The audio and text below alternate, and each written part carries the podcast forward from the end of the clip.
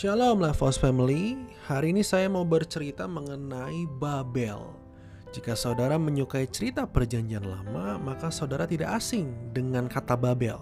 Akan tetapi, jika saudara mungkin lebih menyukai atau lebih sering mendengar khotbah tentang perjanjian baru, maka kisah Babel mungkin asing di telinga saudara.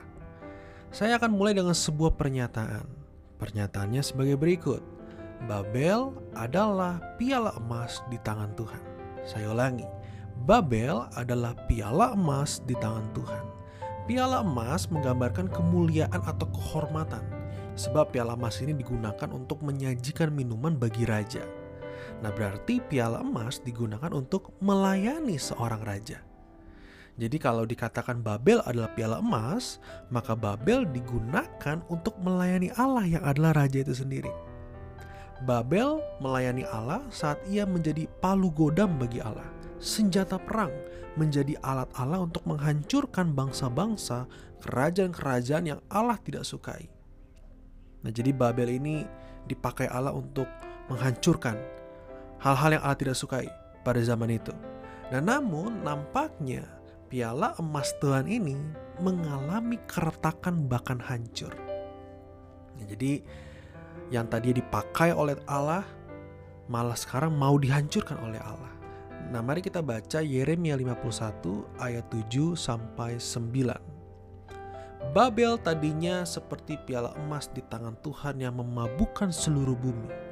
Bangsa-bangsa minum dari anggurnya, itulah sebabnya bangsa-bangsa menjadi gila Tiba-tiba Babel jatuh dan pecah.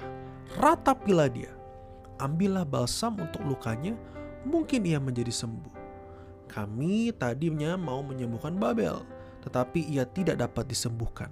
Tinggalkanlah dia. Wah. Jadi di sini Yeremia tertulis bahwa Babel ini hancur, jatuh dan pecah. Piala emas itu jatuh dan pecah, hancur. Nah, sebelum Babel hancur, pasti ada keretakan. Tentu kita bisa melihat ya bagaimana sebuah benda kalau hancur itu pasti dimulai dari keretakan. Gitu ya. Nah, keretakan inilah yang tidak disukai Allah, yang akhirnya Allah memutuskan untuk menghancurkan Babel. Yang tadinya Babel menjadi alat tangan Tuhan, sekarang Babel menjadi musuh Allah. Wah, ini kan berbalik berbalik sekali, Saudara. Nah, pernyata pertanyaannya begini, Babel buat apa sih kok bisa akhirnya mau dihancurkan oleh Allah? Keretakan apa yang dibuat oleh Babel ini? Yang pertama, keretakan pertama adalah Babel memang sih dipakai Tuhan, tetapi Babel terlalu berlebihan. Babel menghancurkan bait Allah. Nah, ini yang Allah tidak sukai. Yang kedua, Babel menyembah berhala, dewa-dewa dan bukan Allah Yahweh itu, Elohim itu. Nah, jadi Allah tidak menyukai dua hal ini. Inilah yang akhirnya menjadikan Babel itu mempunyai keretakan di mata Tuhan dan akhirnya menuju kepada kehancurannya sebagai alat kepanjangan tangan Tuhan, sebagai piala emasnya Tuhan.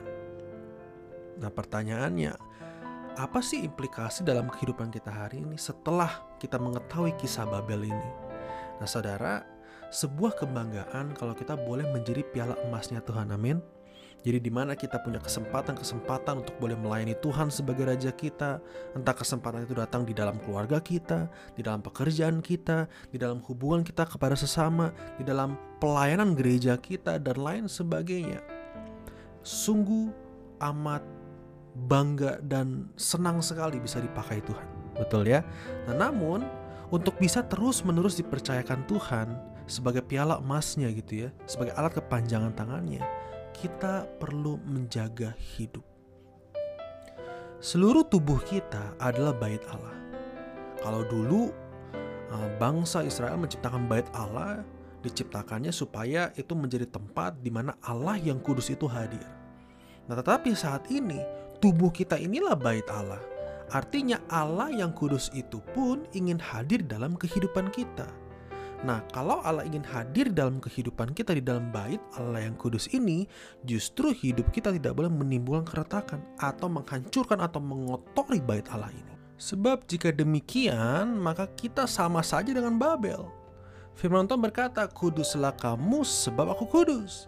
Oleh karenanya, mari kita jaga piala emas kita dengan kekudusan kita di hadapan Tuhan. Ada amin? Tuhan Yesus menyertai kita semua.